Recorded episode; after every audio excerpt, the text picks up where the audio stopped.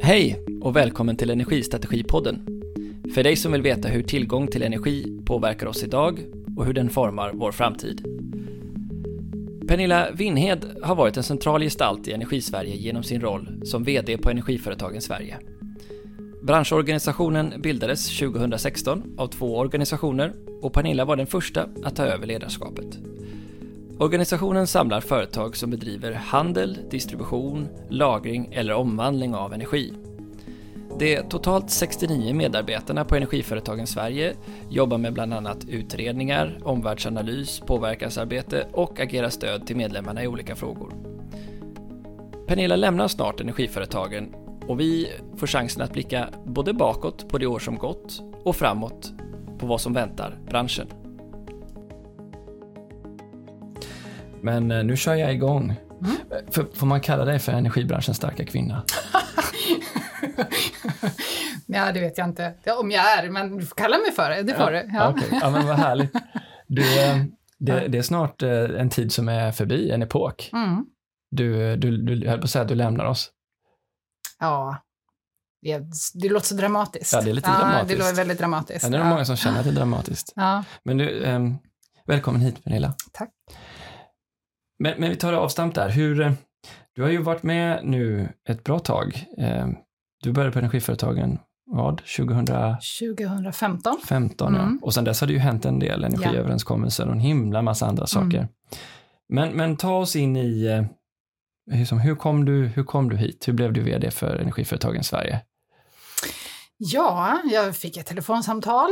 Eh, någon som undrade om det här kunde vara intressant. Och sen var jag på intervjuer som, som, som det brukar vara när man blir rekryterad. Och jag kände ju när jag började liksom kliva in i det här att just jobba för en branschförening i den föränderliga värld som, som vi har i energibranschen kändes oerhört spännande.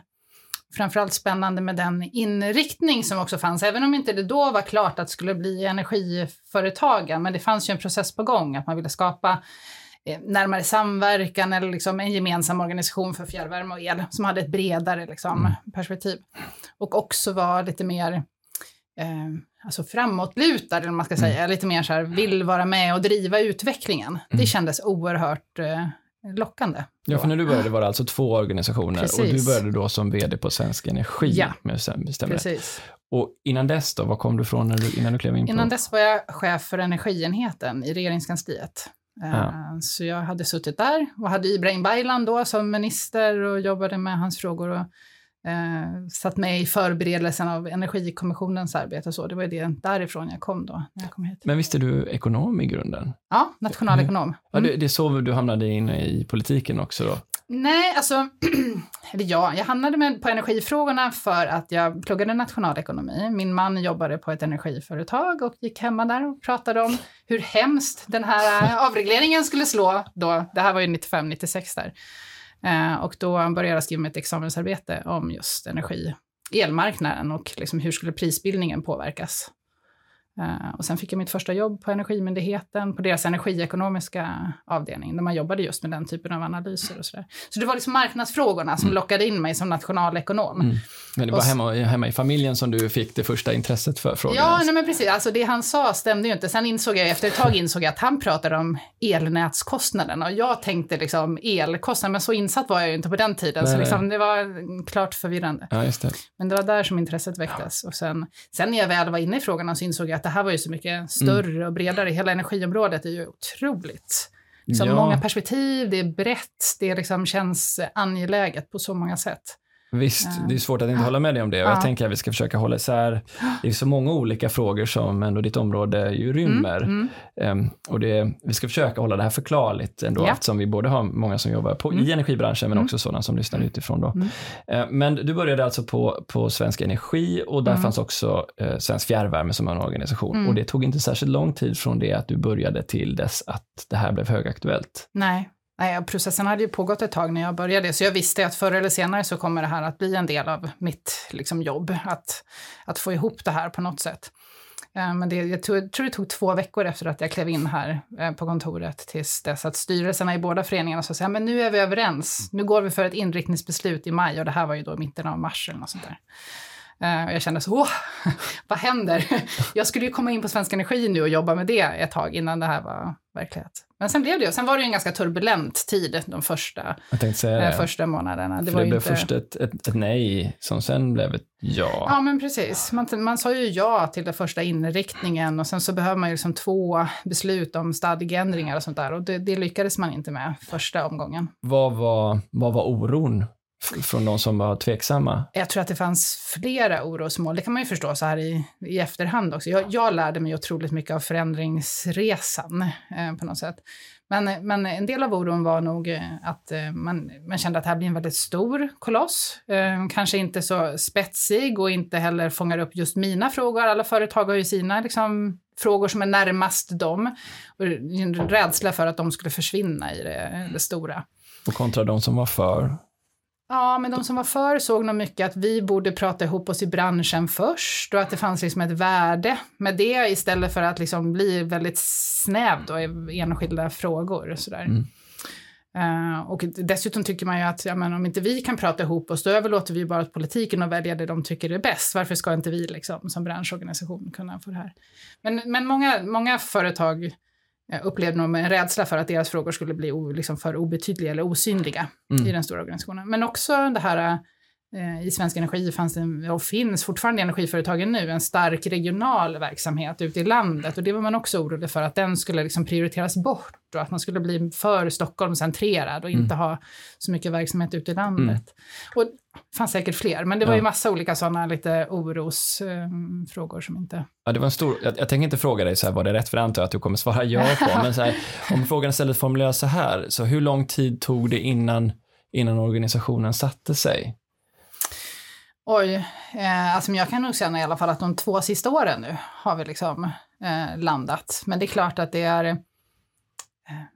alltså det, det, är också så att i en branschorganisation, det tror jag, oavsett så finns det ju alltid, och bör alltid finnas, tycker jag, liksom en stark diskussion om vad som är rätt eller fel. Det är liksom också lite grann eh, livskraften i föreningar, att, att den finns. Men jag skulle säga att de två första åren var oerhört turbulenta, det tredje året lite lugnare kanske.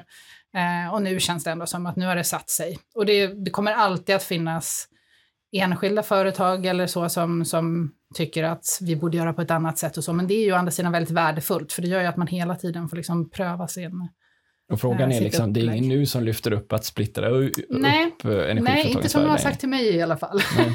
nej, men det tror jag inte. Jag tror att nu är man är man nöjd. Däremot så finns det ju liksom grupperingar av medlemmar som känner ett behov av att lyfta sina frågor lite extra. Och jag ser egentligen inte något hinder i det. Att känner man att man behöver lyfta upp en fråga mm. lite extra, och som det kanske inte vi alltid kan vara bäraren, så, så borde vi kunna liksom samverka på det sättet i branschen så att det ändå är, är möjligt. Mm. Vi sitter här på något sätt ändå och pratar om din legacy som du lämnar bakom dig. Mm. Jag tänkte vi kan liksom börja med den utgångspunkten innan mm. vi liksom snubblar in i allt för mycket detaljfrågor. Mm. Men, men vad skulle du säga är, om du skulle nämna två eller tre av de mest centrala frågorna som du har varit med om här under din tid på, på, i branschorganisationen, vad skulle du lyfta upp då? Uh, ja, du, ja, men sånt som jag tror ju att det vi har eh, byggt upp nu med det här helhetsperspektivet och liksom eh, det som vi kallar för systemsyn, som ju är lite branschinternt, tänker jag ibland, men liksom just helhetsperspektiv på energisystemet och att det, de olika delarna hänger ihop, att vi försöker jobba med det perspektivet i, i branschföreningen, eh, en viktig fråga. Och det var, en, det var ju också en stor diskussion när vi bildades om hur att skapa förståelse och en samsyn kring hur det här helhetsperspektivet eh, eh, var. Hur är, det, hur är det idag då? Är, är det, hur upplevs det system? Är, är, det någon, finns det någon diskussion om det med tanke på var man kommer ifrån? Nej, men jag, jag, det finns nog de som fortfarande tycker att vi är otydliga på det ibland. Eh, men jag tycker att det faller sig mer naturligt nu än vad det gjorde. I början var det ganska mycket en teoretisk diskussion där man liksom matematiskt skulle visa hur utsläppen påverkades av en förändring och att vi höll på väldigt mycket med, med den typen av teorier det som händer idag är ju att vi lever systemsynen på något sätt. Jag menar hela kapacitetsfrågan där du pratar om elnätskapacitet, fast det kan också vara kraftvärmens produktion eller liksom samverkan mellan el och värme i städer och sådär. Helt plötsligt så är ju helhetsperspektivet väldigt närvarande i de frågor som vi vi jobbar med. Mm. Det var någon av medlemmarna som sa det vid något tillfälle. Tänk, nu har vi suttit här och diskuterat hela dagen och vi hela tiden pratar systemsyn, men ingen av oss har nämnt systemsynsordet. Liksom. Och det är just det att vi pratar helhet nu. Och jag tror att hela samhället pratar helhet mer mm. idag än vad, vad som gjordes då, 2015, 2016. Ja. Ja, man kan ställa många fler frågor på det. Mm, ja, men om du ja. väljer upp ett mm. område till som, som du skulle vilja lyfta fram som centralt. Um, alltså vi har haft jättemånga frågor som vi har jobbat mycket för under de här uh, åren. Uh, alltså alldeles efter att jag kom hit så var ju Energikommissionen igång och så kom Energiöverenskommelsen som ju var en jätte, jättestor sak som branschen hade jobbat länge för och som var verkligen Uh, ja, det, det, var bra just att få den där politiska liksom, diskussionen, breda överenskommelsen. Den blev ju tyvärr inte så långvarig som man kanske hade hoppats när den slöts. Uh, men det, det, har ju varit en liksom, fråga som har präglat de här fem åren, både dess tillkomst och dess mm. fall eh, på något sätt. Idag när man pratar med branschföreträdare så lyfter de ju just upp eh, den ökade förståelsen för energibranschen som en mm. av de mm. största vinsterna av Energikommissionen ja. och det är flera som flaggar för att man borde ha någonting liknande igen. Håller du med om den slutsatsen och, och vad ser du för behov nu om du blickar ut mot, mot den, dagens politiska realitet? Mm. Nej, men jag, tror, jag tror att det var, alltså den ökade förståelsen hos politiker som jobbar med de här frågorna var ju ett jättestort värde av Energikommissionen. Eh, sen var ju liksom arbetet i överenskommelsen och det jobb man gjorde blev ju inte kanske så långsiktigt som man hade hoppats från början. Eh, man hade inte tid och inte möjlighet att ta sig an de här riktigt långsiktiga frågorna. Jag skulle gärna se att man tog sig an de frågorna med en sån här bred politisk bas där man både bygger kunskap och diskuterar nu är man ju lite energinörd så det är klart, men man tycker att de här frågorna är så pass viktiga för samhället i stort. Eh, så det är liksom viktigt att man också förstår dem. Till viss De är också ganska komplexa och tekniskt kluriga och, liksom, eh, och att det är viktigt att ha en viss förståelse för att kunna liksom peka ut riktningen. För vi behöver ju en riktning för mm. omställningen och för klimatet och, mm. och sådär. Och att kunna göra det med en bred politisk förankring är mm. jätteviktigt. Blev du förvånad hur kort tiden höll? Vad trodde du? nej, men kanske inte förvånad. Man har, man har ju bara förhoppning på något sätt att det ska hålla längre. Mm. Jag, tycker, jag, ty, jag, tycker personligen att det är lite tråkigt att den inte höll. Därför att jag känner också att politiken lätt går tillbaks till där vi var innan. Istället för att liksom ha klivit ett steg framåt så kan jag ibland känna att vi är, vi är tillbaks där vi pratar om olika teknikslag. Antingen, antingen kärnkraft eller vindkraft. Eller, Eh, antingen flex eller elnät. Eller antingen, och egentligen så det som Energikommissionen på något sätt landade i, eller som jag tolkar att man landade i, det var att ja, men det här är förenligt. Liksom. Vi kan ha både vindkraft och kärnkraft. Vi kan ha både, liksom, jobba med flex och elnät. Nu gick man inte in på elnätsfrågan så mycket. Det är väl en sån långsiktig fråga som jag saknar i energiöverenskommelsen. Mm. Men, men, eh, och det tyckte jag var uppfriskande. Man kunde ha den diskussionen med politiker, att det inte var så mycket antingen eller. Men nu är vi tillbaka till det ah, antingen okay. eller. Eh, men det där är intressant. Ah. Du, känner alltså, du känner igen dig i diskussionen det att exempelvis Moderaterna kommer ut och slår ett slag för småskalig kärnkraft och ja. samtidigt så säger socialdemokratiska ministern att vi har ett elöverskott i landet ja, och, och, och, båda perspektiven borde du, känner du att vi är tillbaka nästan på 2014, 2012 ja. där det var kärnkraft eller inte kärnkraft, ja. bara en annan teknisk fråga men samma polariserade ståndpunkter. Lite så. lite så att det blir väldigt så här antingen eller och jag tänker att det är ju inte, det är inte fel att vi har ett elöverskott, det har vi ju, men vi har ju effektbrist nästan åtminstone och inte minst när det är lokalt så har vi det. Just det. Eh, så det är Ja, jag, jag tycker att det, det är synd. Det, det kändes som att energiöverenskommelsen började för väldigt mycket. Sen vet man ju, jag menar det är ju ett antal politiker som sitter i en sån kommission och som jobbar och som får den här liksom, upplärningsprocessen när man ägnar väldigt mycket tid åt mm. någonting. De byts ju ut. Mm. Politi det är ju mm. så det politiska livet, de byts ju mm, ut. Så därför Såklart, ja. att, att ha något genomförandegruppen hade mm. man ju som man då fortsatte jobba med, men byttes ut personer kom det in nya hade den liksom överlevt och fortsatt så hade vi kunnat haft en, en grupp med politiker som hade varit mer insatta. Men det, så kan det ju vara även om man är ganska insatt i branschen, att ja. det kan vara svårt att förstå att någon säger att vi har ett stort kapacitetsproblem och det måste vi liksom investera i elnäten för att lösa medan någon annan säger det har vi inte alls. Nej. För det kan vi hantera med batterier, elbilar ja. och, eh, och förändrade beteenden. Mm. Du, du, du, även om liksom hur vi använder och vrider på det mm. blir det ju väldigt olika uppfattningar med tanke på att det skiljer så mycket i en sån investering. Absolut. Och, men jag, jag håller med och jag, jag säger att bara för att man liksom, man konstaterar att man har ett effektunderskott eller vad det nu är för någonting, eh, så är ju lösningarna flera, tänker jag. Vi kommer fortfarande, tror jag, att behöva ny produktion därför att gamla anläggningar läggs ner. Vi kommer behöva fler elnät, men vi behöver också jobba med lagerlösningar och flex och liksom eh, Transportsektorn tycker jag är en annan sån sektor som gärna fastnar i samma sak. Så antingen ska vi ha liksom etanol eller så ska vi ha biodiesel eller det ska vara el eller biogas. Och det är allting är ett av de där som är lösningen. Jag tror inte att vi kommer ha sådana enkel, liksom enkla lösningar så att det är bara ett alternativ som ska ersätta allt det gamla. Det är inte vindkraften som ska ersätta hela kärnkraften. Det är inte liksom elektriciteten som ersätter alla drivmedel vi har idag, utan det ja, kommer det. att finnas liksom, eh, mer komplexa system och mer uppsjö. Dessutom en tror jag, mer föränderlig takt. Liksom kommer nya saker hela tiden som vi kanske idag inte, mm. inte vet om. Och det måste vi liksom kunna ja. hantera. Okej, okay, men så här då, rent policymässigt då så kan man ju se att nu, nu har man kommit med lagrådsremiss om, eh, om att eh, fasa ut elcertifikatsystemet mm. från, vad tror jag, 2021, i december 2021 mm, någonting va? Ja, det det. Och, det mm. lanserades ju med, som en, eh, ja, vissa tycker att det varit en stor framgångssaga, andra pekar på, på mm. problemen med det. Um, men, men alla de här olika teknikvalen som olika röster propagerar för, ja. är det lika mycket fingrarna i syltburken idag som det var förut? Att vi ska liksom skicka bidrag till etanol just, eller bidrag till den här tekniken? Mm. Eller har det blivit, har man, har man höjt diskussionen så att säga? Vissa hävdar ju att de fria marknadskrafterna i alldeles för liten grad får råda ja. själva på marknaden. Mm kanske svårt att ha en uppfattning om det, men är det, är det, har det blivit bättre eller har det blivit sämre och åt vilket håll tycker du det går?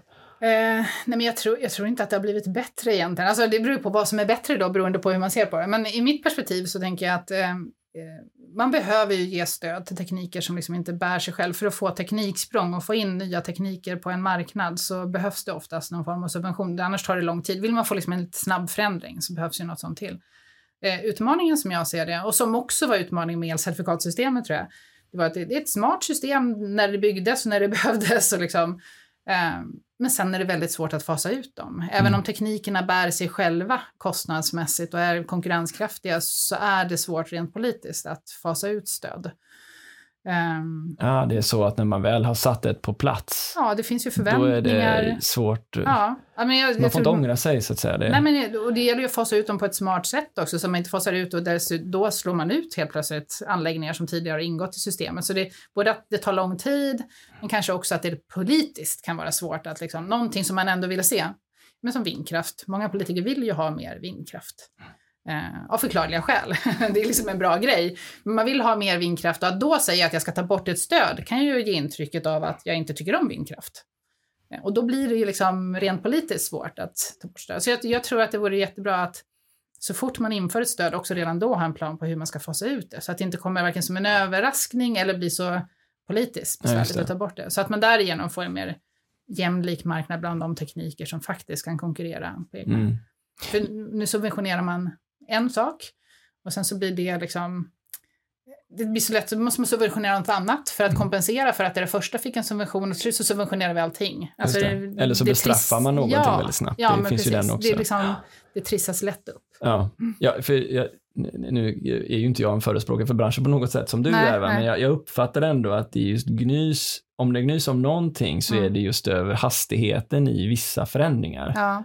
Och att det är det som oroar många i branschen, att man är inne i väldigt långa investeringscykler mm. och så kan det gå ganska fort från idé till beslut i den politiska mm. världen om att ändra spelreglerna för branschen. Ja. Mm. Ehm,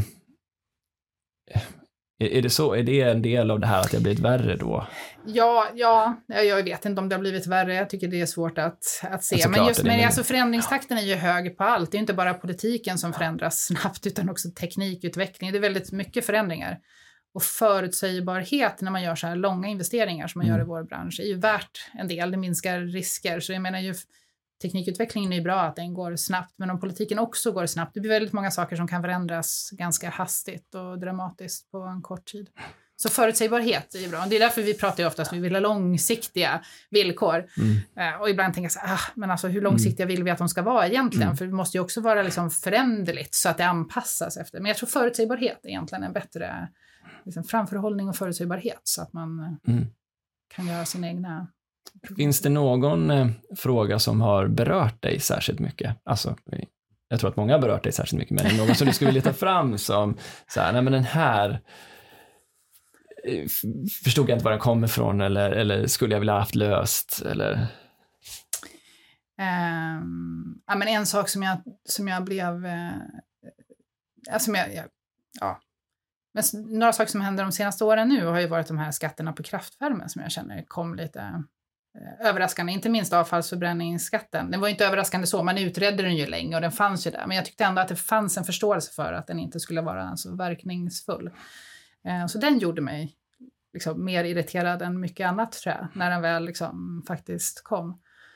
Ehm, likaså, vi hade ju de andra kraftvärmeskatterna som man kan förstå ur ett liksom, klimatpolitiskt perspektiv att man vill ha höga skatter på fossila bränslen. Men samtidigt när de ingick i utsläppshandeln, det fanns planer på att fasa ut de här anläggningarna då och dessutom orsakade en kapacitetsbrist i våra städer, mm. så blir man ju liksom lite upprörd mm. när det här helhetsperspektivet då har tappats bort lite grann i, eh, i frågorna. Ja, jag, här, här, jag får stor respekt för mm. dig. Du har ju uppenbarligen erfarenhet från regeringskansliet mm. att klara av att se båda sidorna mm. och på något sätt, ur mitt perspektiv, ta tre djupa andetag och mm. försöka medla i den här mm. situationen. Men eh, hur, hur, hur har du lärt dig liksom att ändå, men nu syns det ju second opinion i sådana frågor, men ändå lärt dig att klara av att balansera de där två perspektiven.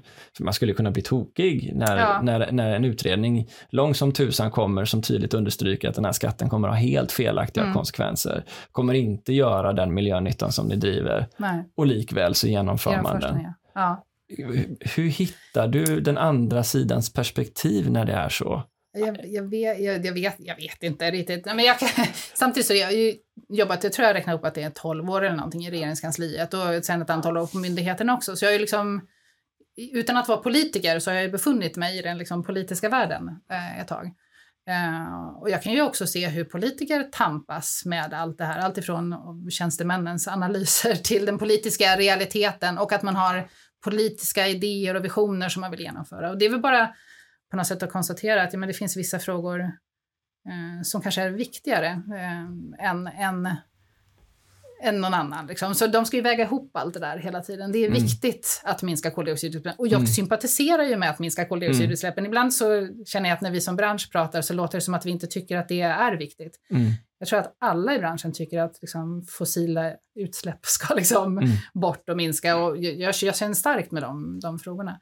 Eh, men jag tycker kanske att det har funnits smartare sätt att göra det på. Och samtidigt så om inte de alternativen finns. Jag kan förstå, jag förstår det politiska dilemmat på något sätt. Och det är nog lite jag, mm. liksom generellt sett. Jag är så här, ganska sällan så väldigt svartvit, liksom, mina åsikter. kan vara både en för och en nackdel som branschorganisations-vd kan jag säga. Ibland kan det ju vara bra att liksom verkligen... Ehm, men jag har ganska lätt för att liksom se andras perspektiv. Ja. Det är inte alltid jag sympatiserar med dem, men jag ser dem ändå och kan förstå att okej, okay, så kan man också resonera. Eh, ja, jag, jag, minns, jag minns ju tillbaks eh, till liksom den, den första stora konferensen som Anders Ygeman var med på. Mm. Då han ju eh, väldigt, inte väldigt, det kanske är svårt att säga, men ändå tydligt markerade att det fanns en en, en irritation över hur man tyckte att, då specifikt lyfte han fram elnätsföretagen mm. hade agerat. Hur var det för dig efter att ha jobbat med Ibrahim Baylan? Hur, bara för att förstå kontexten. Ja, Eh, nej men det, det var... Eh, det var, det var ju väldigt intressant på ett sätt, för året innan så var just Ibrahim Baylan och höll motsvarande anförande. Han, han lyfte upp branschen som en fyr för hopp. Eh, så det var ett otroligt positivt eh, tal, eh, sådär, som jag tror alla kände sig stärkta i, i lokalen.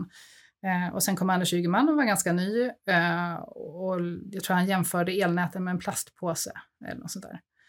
Uh, han var ganska tydlig med sin inställning. Och det, det var jobbigt i stunden. Så här. Samtidigt så kan jag tänka att uh, jag känner mig också samtidigt lite ödmjuk inför att ja, men om han har de här åsikterna så är det ju säkert fler som har. Jag tror att det representerar ganska mycket hur många eh, liksom, ser på energibranschen och hur vi har lyckats komma ut tidigare i de här frågorna. Eh, så man får ju vara lite självkritisk då och tänka sig, ja, men vad, vad är det vi har gjort för att hamna i den här situationen och liksom försöka jobba utifrån, utifrån det. Eh, så det, ja, men det är... Politiker är ju på något sätt utifrån sitt perspektiv och sin input mm. också. Eh, ja, jag, jag, tror helt enkelt att det representerar ganska mycket den, det rykte som vi har utåt. Det har blivit bättre tror jag i och för sig. Alltså, sen dess har vi dessutom jobbat på frågan, men, men då när han var ny så var det så. Det är ju lätt att glida över på den stora frågan om intäktsregleringen. Mm. Och jag, jag, tittar här på Energiinspektionens, eh, Energimarknadsinspektionens hemsida om den nya elnätsregleringen för ja. nästkommande period. Och det är ju svårt att inte iaktta hur många ja det är i kolumnen överklagat. Mm. Eh, och, och, det är något som återkommit också, det här med att liksom svaren på hur man ska göra elnätsbranschen i mångt och mycket har hamnat i domstol. Ja. Och givet det du säger nu, mm. liksom, att det ändå får förlika sig med att det kanske finns många som har haft en, en, en vad ska man säga, en, en tuff eller syn på hur, mm. hur det här... Vad är din syn på hur branschen har klarat av att hantera det här, eller inte kanske branschen just, utan i allmänhet, hur frågan har hanterats? Ja. Nej, men det här är ju en fråga som har förföljt eh, branschen under liksom hela, hela avregleringsperioden. Tror jag. Vi har ju inte, vi har inte varit bra på att hantera det. Det får vi liksom vara väldigt eh, eh, självkritiska, tror jag, blicka tillbaks eh, på hur, hur vi har kommit ut, både just de här domstolsprocesserna, men också retoriken och hur, hur vi liksom har gått på kring de här eh, tarifferna tidigare och inte varit speciellt lyhörda kanske för varken politiker eller kunders perspektiv. Men jag tycker vi har, branschen har blivit mycket, mycket bättre på det. Um, och samtidigt så, så finns det ju en möjlighet att överklaga enligt liksom, lagstiftningen och om man tycker att myndigheten fattar felaktiga beslut så är det ju en rätt man har och någonting man nog också bör göra ifall man tycker att det är fel. Och att vi fortfarande är där nu är ju, det är ju beklagligt, men, men det har ju också att göra på att vi inte har kommit någon vart riktigt med lagstiftningen. Tänker jag. Det som kom nu senast när, när vacken till slut hamnade på 2,16 procent, det är ju otroligt lågt. vi hör ju vittnesmål från många av våra medlemsföretag hur de liksom inte, de klarar inte av den här låga nivån. Mm. Um, Vacken är det alltså, är väldigt ja, förenklat. Eh, det är, väl, det är avkastningen på kapitalet helt enkelt som man får enligt lagstiftningen. Nej, men, och det, det gör ju att, att det finns ett behov av att överklaga just nu, men ingen, alltså, ingen i branschen vill ju fortsätta ha det så här. Vi vill ju gärna få till, och det är en av de frågorna som jag kanske, när man nu ska lämna branschföreningen, hade känt hade varit skönt att komma ett steg längre i. Att vi hade fått till någon det bästa hade ju varit att vi hade fått till en, en liksom lagstiftning där vi kunde vara lite mer överens mellan kundsida och, och bransch om förutsättningarna som känns lite mer långsiktigt hållbara. Ehm, men om vi inte hade kommit hela vägen fram, i alla fall ha en process där vi har med aktörerna och har en, en liksom saklig dialog om mm. de här frågorna. För det är ändå oerhört viktigt att det finns tillräcklig investeringsförmåga i de här företagen för att elektrifiering och omställningen ska vara möjlig och säkerställa att vi har el. Mm. Eh, vi, vi, har ju också haft en så enormt hög leveranssäkerhet i Sverige och den vill vi säkert ha ännu högre framöver med tanke på digitaliseringen. Och det kräver ju investeringar. Precis, och det finns ju vissa också som har skrivit det då eh, väldigt namnkunniga branschföreträdare som, som skriver att mm. om vi fortsätter på det här spåret så kommer, så kommer vi puttas över kanten. Alltså mm. det är så mm. få som kommer vilja investera i, i, i kapacitet, mm. att vi förr eller senare kommer hamna i ett, ett akut läge. Um, är, är, det, är det att bara liksom, klonka i, i bjällan så att säga, e-, eller ser du också den men jag ser, alltså, jag, jag, ser, jag ser absolut eh, risken och jag tror att det, det skiljer sig kanske ganska mycket åt också eh, beroende på hur näten ser ut idag, tänker jag. För det, det skiljer sig också över, över landet. Eh, men till slut så är det såklart att vi har en risk. Man ser ju nu att, eh, att företagen liksom drar tillbaks lite grann på sina investeringar när, när man inte har haft liksom, mer avkastning än 2,16. Det kan vi inte hålla i eh, för länge med tanke på att vi egentligen skulle behöva öka våra investeringar ganska kraftigt mot tidigare. Det har ju, Ygeman sa ju också det, att det liksom inte hänt så mycket på investeringsfronten. Ni säger att ni måste investera, men tittar man så har det inte hänt så mycket.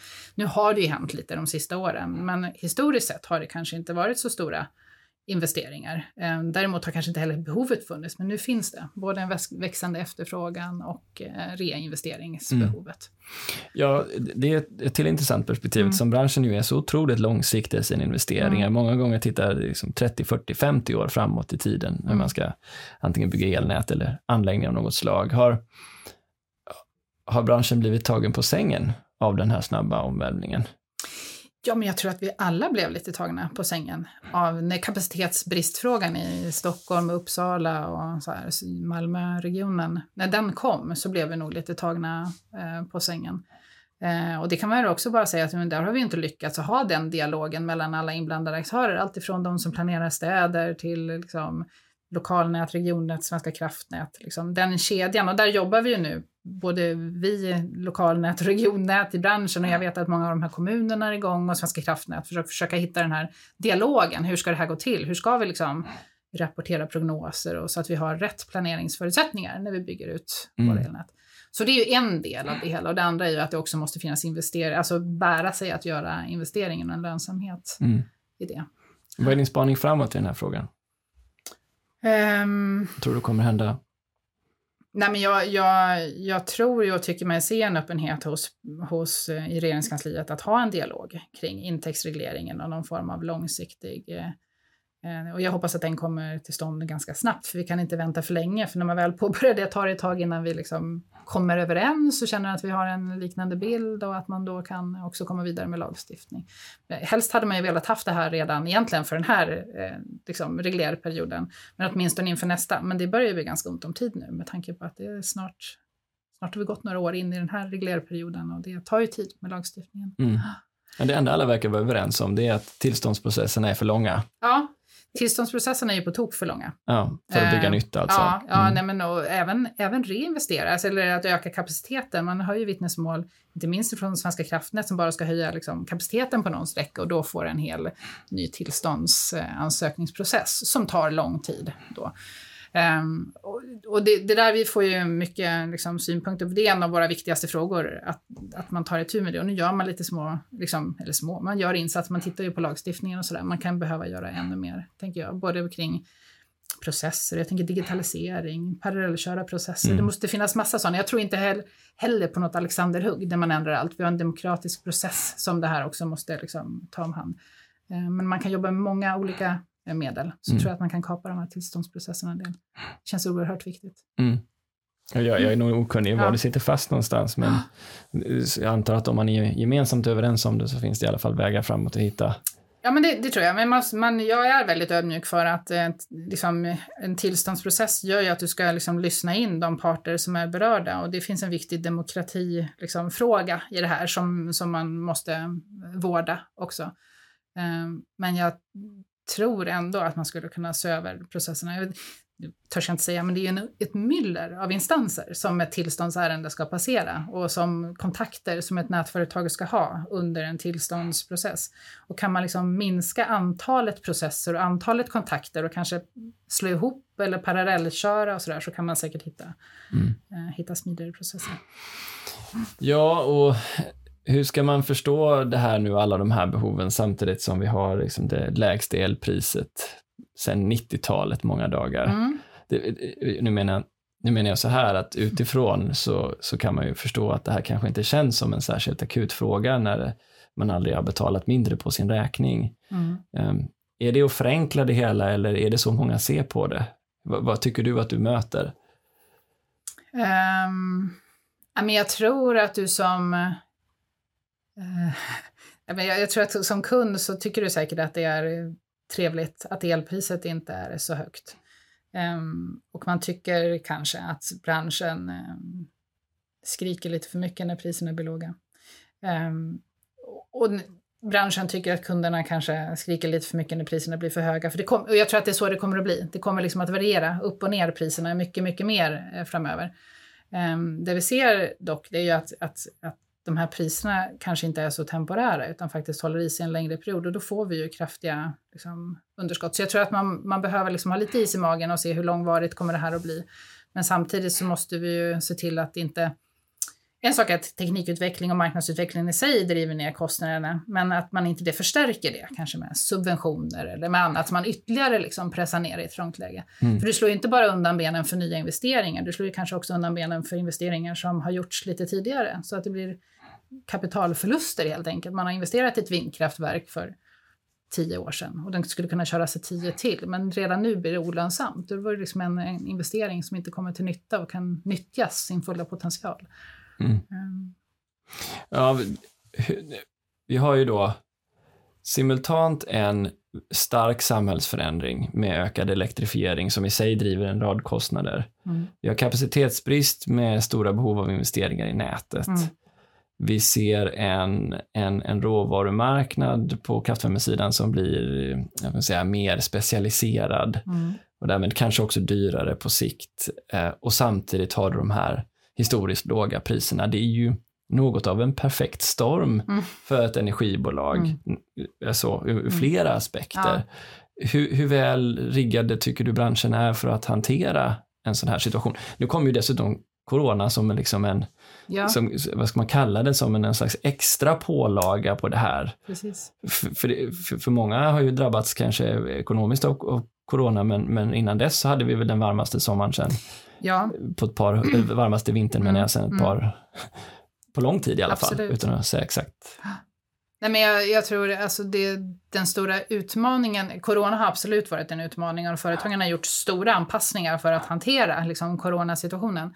Men det kanske inte är coronaeffekten som har påverkat priser och lönsamhet av de här delarna eh, mest, utan det var ju vintern och liksom, både att vi hade gott om vatten, vi hade tillrinning till våra vattenmagasin mitt i vintern. Det har vi ju aldrig annars, man fick spilla liksom, vatten. I vanliga fall så töms de ju på vintern, inte fylls på. så det var ju liksom en annorlunda situation. Det blåste eh, jättemycket, producerades jättemycket vindkraft och priserna var låga. Och varmt dessutom, så på värmesidan hade man också sina utmaningar. Eh, och det är ju det som har liksom gett den största lönsamhetspåverkan om man säger så under det här året. Sen kommer corona lite på det också med efterfrågan som sviktar lite och sådär. Mm. Um, nej men det, och kapacitet, alltså det, det rör ju sig på så otroligt många håll samtidigt just nu. Uh, och samtidigt tänker jag att vi har kanske aldrig varit bättre riggade att hantera det heller. Det finns en helt annan teknologisk eh, möjlighet att hitta alternativ. Det, det görs massa saker runt om i Sverige, små pilotprojekt och forskningsprojekt kring flexibilitetsmarknader och andra tekniska lösningar. Och finns en helt annan innovationskraft upplever jag i energibranschen än om du blickar fem år tillbaks i tiden.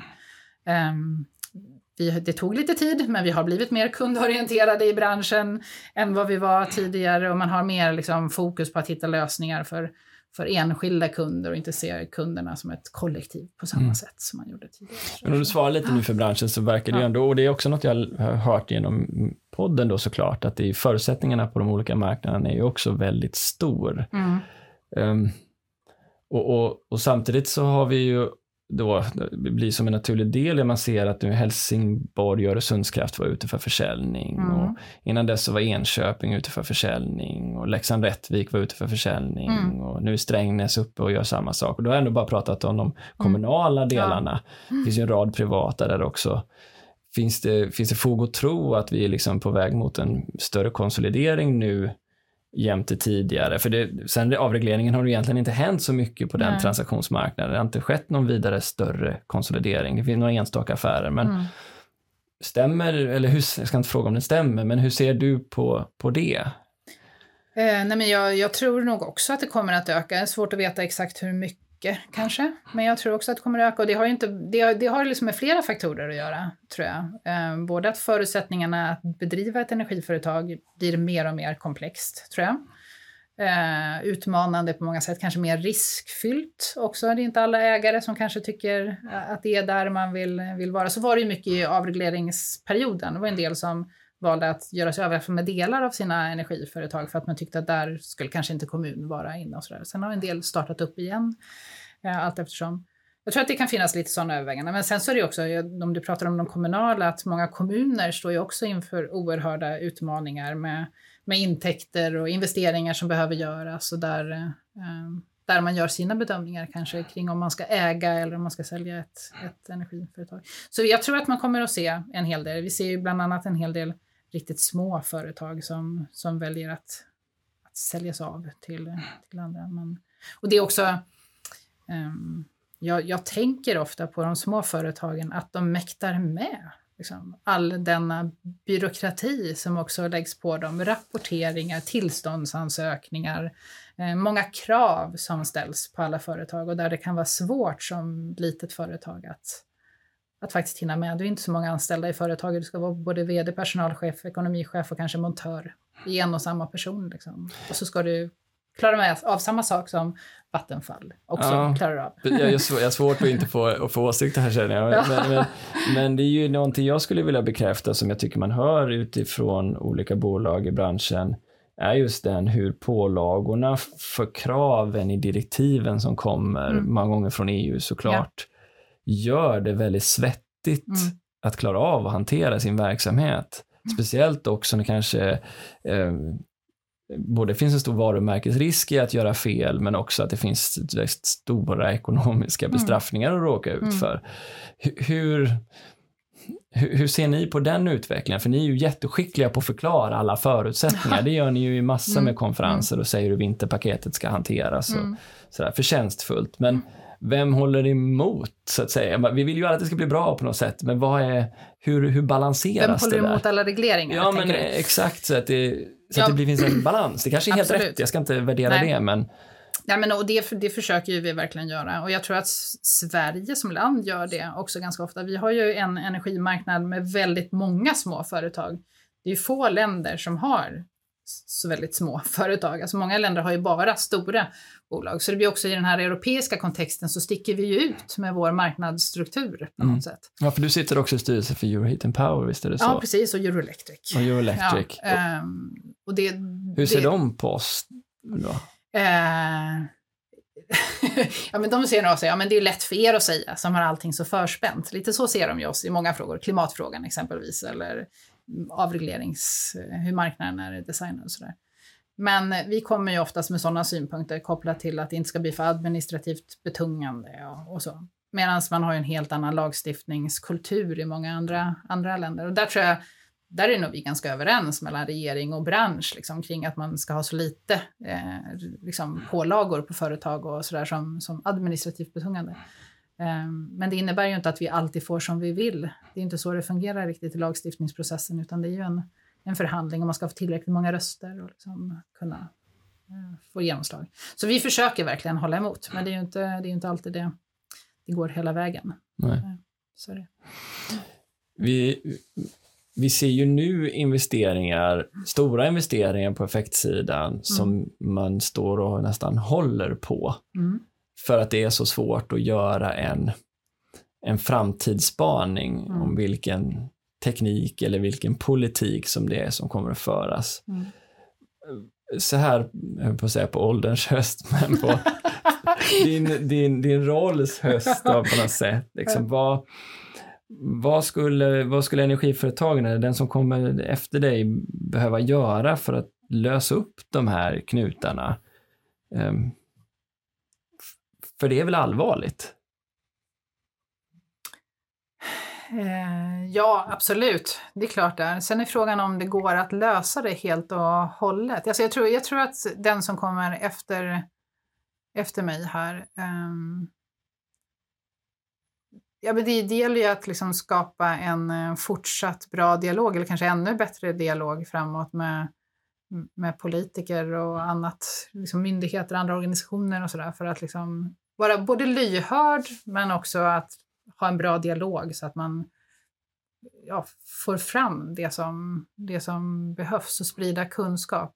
Och sen dra nytta väldigt mycket av den kunskap som finns i branschen och inte minst alla fantastiska personer på energiföretagens kansli som har en jätte enorm kunskap om förutsättningarna. Ehm, jag tror att den här lyhördheten både mot medlemmarna men också mot omvärlden kommer att vara viktig för att Eh, för att hitta lösningar. Vi måste liksom hitta de här win-win-lösningarna eh, på allting. Och samtidigt så, så tänker jag som energiföretag så kan, vi, kan man inte heller förvänta sig att man ska veta allt, hur allt kommer att bli, för det sker så stora förändringar framåt. Så även om vi som branschorganisation eh, och som branschen i helhet kan jobba för att skapa så tydliga förutsättningar som möjligt och framförhållning och allt, så en viss risk och osäkerhet kommer alltid att, att finnas. Och då tänker jag då är det viktigt att man har sin egen kompass också lite grann så här, vad är det vi tror på? Vad är det liksom, vad tror vi på som företag? Liksom, gör vi bra saker för våra kunder och samhället runt omkring oss så är sannolikheten ganska liten att vi får smisk på fingrarna efteråt. Alltså man, ibland måste man också bara våga mm.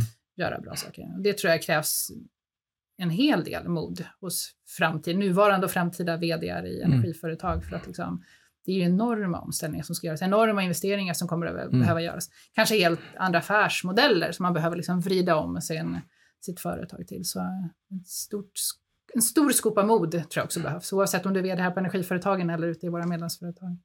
Du nämnde lite snabbt att du tyckte att eh, innovationskraften eh, har höjts i ja. branschen. Förklara det. Hur, hur ser du på innovationsförmågan i, i branschen? Ja, det, det, kan ju vara jag som blir hemmablind, men jag, min känsla är lite så här att, att det sker eh, eh, man har en annan eh, liksom, strategisk diskussion både kring, kring hur affärsmodellen ser ut, om sitt erbjudande eh, och att det jobbas med mycket, inte bara om teknik, för jag tror teknik har vi varit bra på i branschen. Vi har jobbat med teknisk forskning och teknisk utveckling och sådär. Men att nu se på andra sätt, använda tekniken på andra sätt och ny teknik i nya lösningar och, eh, och sådär. Så jag tycker att det, att det ändå känns som att det är mer, mer innovativt. Och, Har de ändrat formen för hur de innoverar? Ja, men jag tror att vi lär oss ju att, just det här um, att, att, våga tänka nytt och att det kanske krävs att några i företaget faktiskt får vara lite wild and crazy och liksom att man testar sig, man gör mer sådana små pilottest och liksom uh, ja, små testpiloter helt enkelt. Eh, det vet jag inte om det var så vanligt för. Jag tycker att jag ser det en hel del numera. Mm. Eh, det kan vara för att jag ser dem nu och inte såg dem tidigare. Men det är min känsla i alla fall, att det görs lite mer sådana saker. Då blir det nyfiken, kanske en personlig fråga. Mm. Jag förstår att du inte är expert på det här med, med alla tekniker som finns där ute, men finns det någon du, du tror på lite extra?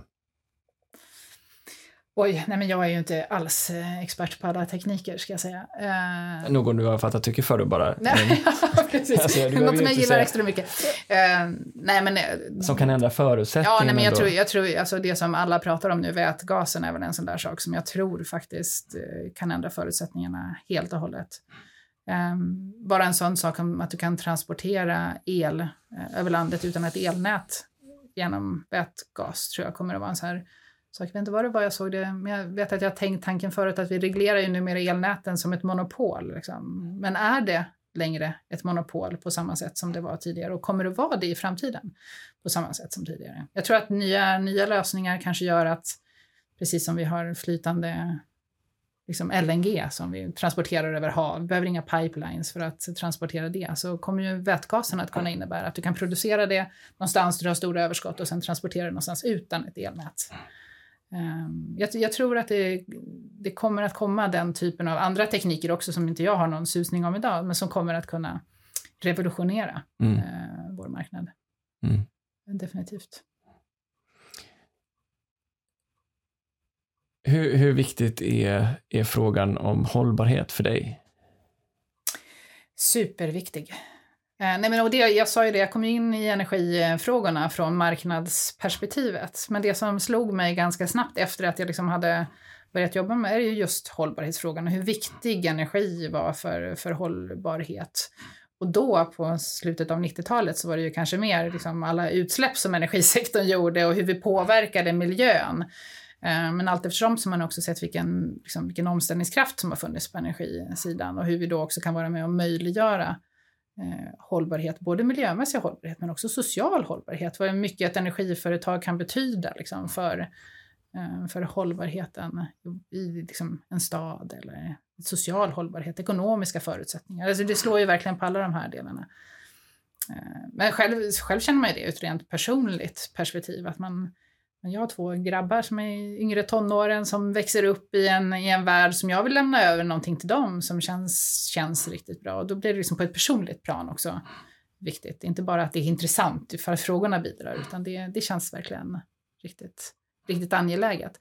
Och då känns det också väldigt roligt att få jobba i en sån här bransch. Och det är också en av de viktiga perspektiven som gör att jag tycker att mitt nästa jobb också kommer att vara viktigt. Hållbarhetsfrågorna är viktiga där också. En viktig samhällsfråga och man kan göra riktigt, riktiga avtryck liksom, där mm. det verkligen spelar roll.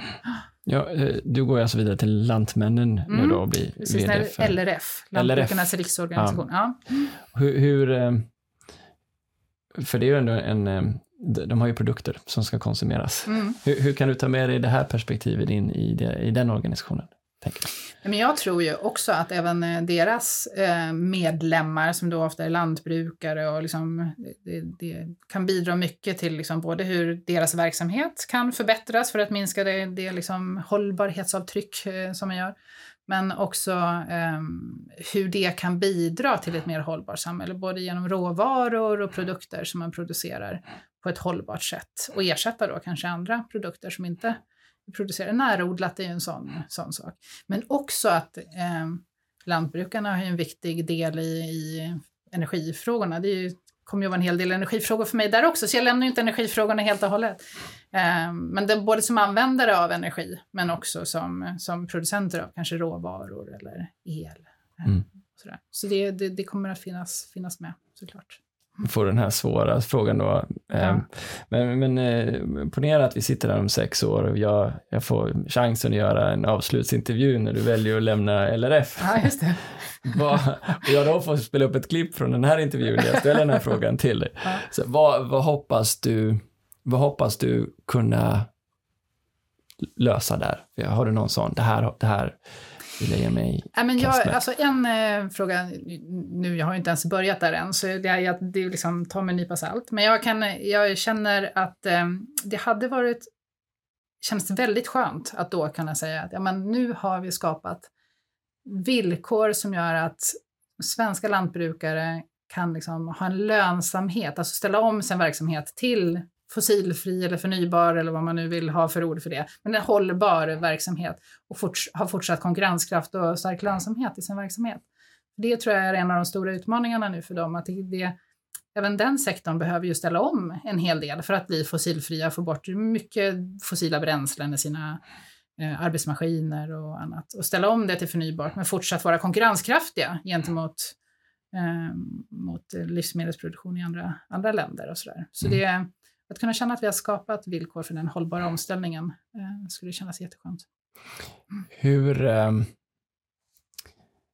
eh, hur ser du på framtiden? Är, är, du en optimist med de här Parisavtalet? Och... Ja, jag tror att jag är en optimist. Jag tror att jag är en optimist ganska ofta jag, jag blir så här, tappar lite energi när det blir för många som är så här negativa runt omkring mig. Mm. så, så jag, är en, jag är optimist och jag, eh, det är klart att det ibland kan kännas hopplöst. Liksom. Man ser hur snabbt det går med, med eh, ja, issmältning och annat. Mm. Det är liksom, man kan ju få riktigt ont i magen mm. av allt det här.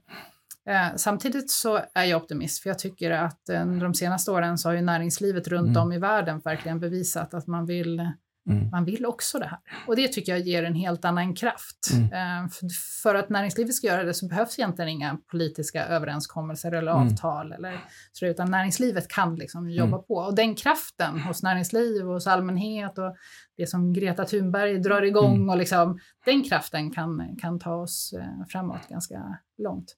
Så jag hoppas verkligen på det. Och tror på det också. Det var ju, känns ju skönt. Ja. Det var kul. ja. uh, Okej, okay, här får du några, några lite snabbare frågor då. Vi tänker att vi sitter i den här intervjun om sex år. Mm. Um, har vi då eh, genom någon form av auktion, auktionsmarknad eller liknande löst det här med att binda in koldioxid genom CCS-tekniken på flera anläggningar, tror du? Om sex år? Ja. Um, ja, men det hoppas jag. Uh, sex år måste jag tänka efter, men det, det ja, jag hoppas det. Det krävs ju lite politiskt agerande nu bara, för det, idag finns det ju ingen lönsamhet i det där, så vi behöver ju få till ett auktionsförfarande och det liksom kommer ju inte jättesnabbt, utan vi behöver få till en utredning redan i år egentligen. Så starta upp en utredning som, som tittar på hur det där auktionsförfarandet ska, ska se ut. Men ja. Har vi, har vi löst vem som ska ha eh, balansansvar i de regionala elnäten? Ja, alltså det där är en lurig fråga. Balansansvar Ja, balansansvar har man ju på elmarknaden, men regionnäten har... Ja, jag, jag hoppas det. De tittar ju på rollerna nu, vem som ska ha vilka roller. Eh, det känns ju inte som att man har kommit så långt som man kanske borde i den frågan, men tills dess måste vi ha löst frågan. Så, det hoppas så då vet man vem det är som har som ansvar för, för kapaciteten? Ja, ja kapaciteten ja. i våra städer. Mm. Okej. Okay. Har vi eh, har vi investerat i, eller är vi på väg att investera i någon ny kärnkraft då, tror du? om sex år. Kanske lite tidigt. Um, Jag tror att den ligger lite längre bort, men eh, då börjar det i alla fall bli allvar i att prata om hur förutsättningarna ska se ut för om vi ska göra det. Um, det, jag kan ibland uppleva att vi går händelserna lite i förväg. Det finns otroligt många stora frågor som energipolitiken skulle behöva hantera här och nu. Kärnkraft tror jag kan vara en jätteviktig lösning eh, framåt, men inte det som är akutast att lösa här och nu. Men att jobba med teknikutveckling, forskning och att fortsätta se på hur, hur den tekniken kan utvecklas känns viktigt. Men om sex år kanske vi inte är igång och investerar, men däremot måste vi diskutera om alla lagstiftning och sånt där ifall, ifall vi ska ha ny kärnkraft i Sverige. Så. Um, tror du att vi har en mer cirkulärt baserad skattesystem? Det, nu blev det en komplicerad mm. fråga, men vi hörde mm. ju när eh, Mikael från Ragn-Sells berätta om att, eh, att det idag inte är så att eh, man får värdet riktigt av att eh, ta nytta av alla cirkulära flöden eftersom det ses som restprodukter. Mm, och, um, och vi har en avfallsskatt idag, mm. lite kontext till det här som ändå liksom, in, inte leder till att vi eh, sorterar ut mer och återanvänder mer, utan mm. tvärtom. Mm. Hur, har vi, det var den kontexten jag tänkte på. Har vi, har vi, har vi löst det, tror du, om sex år? Ja. Alltså, jag, sen om, om det har blivit cirkulärt, men vi måste ha tagit några steg i rätt riktning i alla fall um, om sex år. Um, jag känner ju nu att jag lägger över ganska stor börda på min efterträdare här att lösa alla ja, de här sakerna på sex år. men men, eh, men jag, grejen är ju det, att jag tycker att det finns jättemånga insikter om att de här sakerna behöver eh, tas, tas i, om hand. Liksom. Många politiker förstår ju det här också. Eh, det är liksom att ha tillräckligt med resurser och ork att liksom driva runt alla de här mm. frågorna samtidigt. Jo, det är För det är stora frågor. och komplexa frågor. Det är det. Ja. Går, eh, mm. går Ryaverket även om sex år när det är 30 grader varmt mitt på sommaren? Som en effektreserv kan, kan, alltså? Kanske med biogas. Kan vi ja, hoppas det? Men, sex okay, år. Det, det, nu klarar du dig undan den frågan på ett snyggt sätt. Det, det tror jag det skulle säkert Alf hålla med dig om. Men, ja. men, men eh, har, har vi effektreserven igång om sex år? Eh, nej men alltså några av de här lite nyare anläggningarna kanske fortfarande behöver gå om sex år. Jag tror inte att vi har löst den utmaningen. Det tar ju liksom lite för lång tid att investera i de här. Vi behöver ha förutsättningarna klara så att man investerar i rätt sak, men sen att också genomföra investeringarna och tillstånd och allting för att kunna ha löst allt det här. Effektfrågan och den lokala kapacitetsbristen, att ha löst de frågorna. Jag tror kanske aldrig att vi har löst dem det kommer alltid vara en utmaning som vi kommer att få jobba med. Och kapacitetsbrist kommer att flytta sig också säkert, precis hur samhället flyttar sig. Eh, så det är mer viktigt att ha liksom, ja, roller och ansvar och liksom, tydlighet i vem som ansvarar för vad. Sen kommer vi alltid att behöva jobba med mm. frågorna. Har vi fortfarande subventionerade sol, solcellsanläggningar oavsett vilken, eh, vilken effekt de producerar, tror du? Um ja, men nu, nu, man tar ju bort något stöd och så funderar man på att öka ni, liksom gränserna för något. Och så här. Ja, det, det, så kan det kanske vara att vi har någonting kvar. Eh, jag tror ju att solceller ganska snart bär sig liksom, själv mm. utan stöd. Och därför skulle jag önska att man började fasa ut det då för att liksom, inte skapa för, mor, för stor liksom, skada på marknaden i övrigt. Du får jättesvåra frågor här nu, ja. så all respekt för att du drar in en brasklapp i början. Men ja. vad tror du priset på ett ton koldioxid är om sex år? Om sex år? Ja. Nej, det här är ju jättesvåra frågor. Ja, det är jättesvåra frågor. Ja. Du får ha fel. Ja, men kan, jag vet inte exakt vad de ligger på idag, men alltså jag skulle ju kunna tänka mig att det stiger en del. Um, Nej, jag törs inte säga. Du tror i alla fall att svaret är det kommer vara väsentligen dyrare? Ja, det kommer att vara dyrare. Ja. Det kommer ju snävas åt liksom hela tiden, så visst kommer det vara mm. det, även om teknikutvecklingen också går framåt och sådär. Men, mm. eh, men det kommer att bli dyrare. Mm. Ja, det var, det var verkligen inga lätta frågor du fick där, men jag Nej. tänkte att det var intressanta svar ändå och, och försöka förstå vad som händer. Efter, och det också så ger ju frågorna en kontext till hur många, hur, vilken bredd du har jobbat med. Ja. Eller ni på energiföretagen mm. ändå jobbar mm. med. Ehm, det, vi har inte varit inne så mycket på exakta regleringar, hur direktiv Nej. ser ut ens Nej. en gång, Nej. trots att det är så styrande för mm. branschen. Um, om du sitter här nu med din, med din efterträdare då, mm. Vi låtsas att jag är din efterträdare, mm. så blir det trevligt. Mm. Vad ger du mig för tips? Är det läs mycket? ja, precis. Nej, nej, men alltså prata och träffa, alltså träffa medlemmar, det, det är någonting som jag verkligen har uppskattat under de här... Tyvärr har det inte blivit så mycket av det sista halvåret nu då, med corona när vi inte har träffat så mycket folk. Men att vara ute och träffa och besöka och lyssna in våra medlemmar och deras både situation men också deras tankar kring lösningar och framtiden. Det skulle jag lägga ganska mycket tid på i början tror jag. Um, och som jag nämnde tidigare också, alltså vår fantastiska personal här, att, att liksom verkligen dra kraften ur den kunskapen, försöka samverka med många aktörer tror jag också. Det är väl någonting som jag tycker att vi har blivit bättre på som organisation de senaste åren, att just eh, eh att skapa lite plattformar där vi samlar många aktörer för att diskutera frågor. Eh, det finns liksom inga enkla frågor kvar längre att lösa, så man behöver liksom många olika perspektiv för att, att lösa dem framåt. Mm. Ehm, så det, det är väl de, de delarna. Det låter nästan, det låter inte bara som en branschföreträdare, det låter som en medlare nästan som du beskriver. Ja, um, ja men det, till viss del är det ju det. Alltså branschföreträdare, eller jag har liksom sett på min roll lite som det, att, att det är klart att man kan, man företräder och talar om vad branschen behöver, vad man tycker, men det leder ju oss inte till en lösning. Oftast behöver man ju kanske liksom medla lite i det där och liksom hitta vad, vad är den framkomliga vägen för för både politiker eller för kundorganisationer och för, för våra medlemmar och liksom mm. försöka säga okej, okay, det här skulle kunna vara en framgångslösning för oss alla, där alla känner att man kommer vinnande ur, mm. ur det hela. Så det...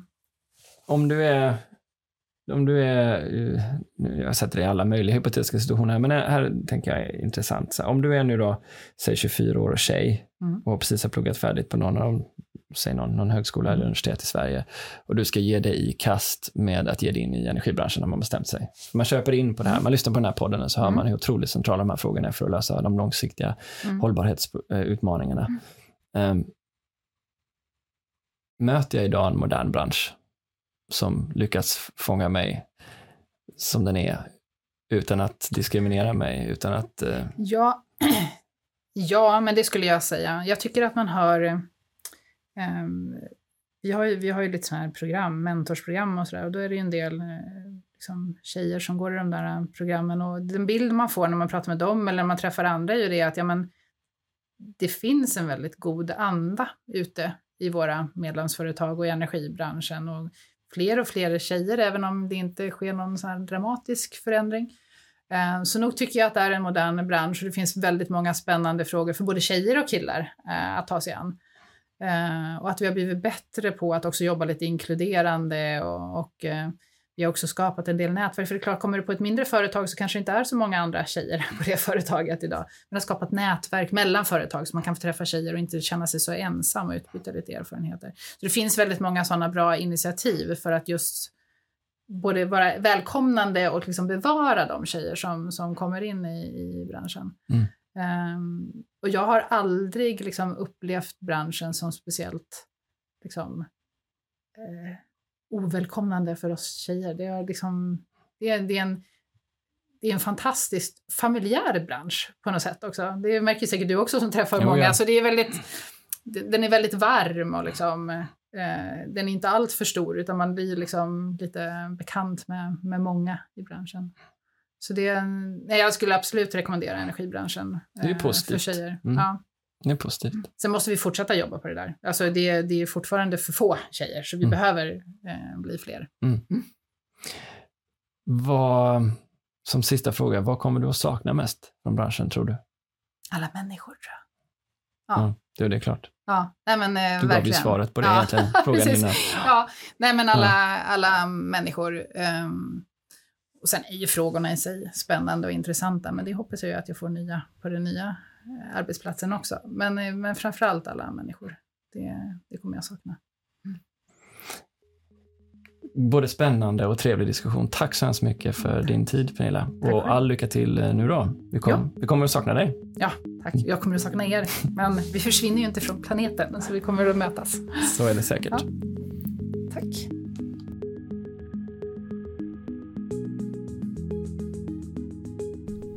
I nästa avsnitt får vi träffa en tjej som kommit som utbytesstudent från Estland till Sverige, gjort karriär inom energibranschen, blivit en av de yngsta VDarna på ett energibolag i Sverige och sedermera flyttat med familj upp till Nordnorge för att där leda en av landets stora kraftproducenter. Vi hörs då.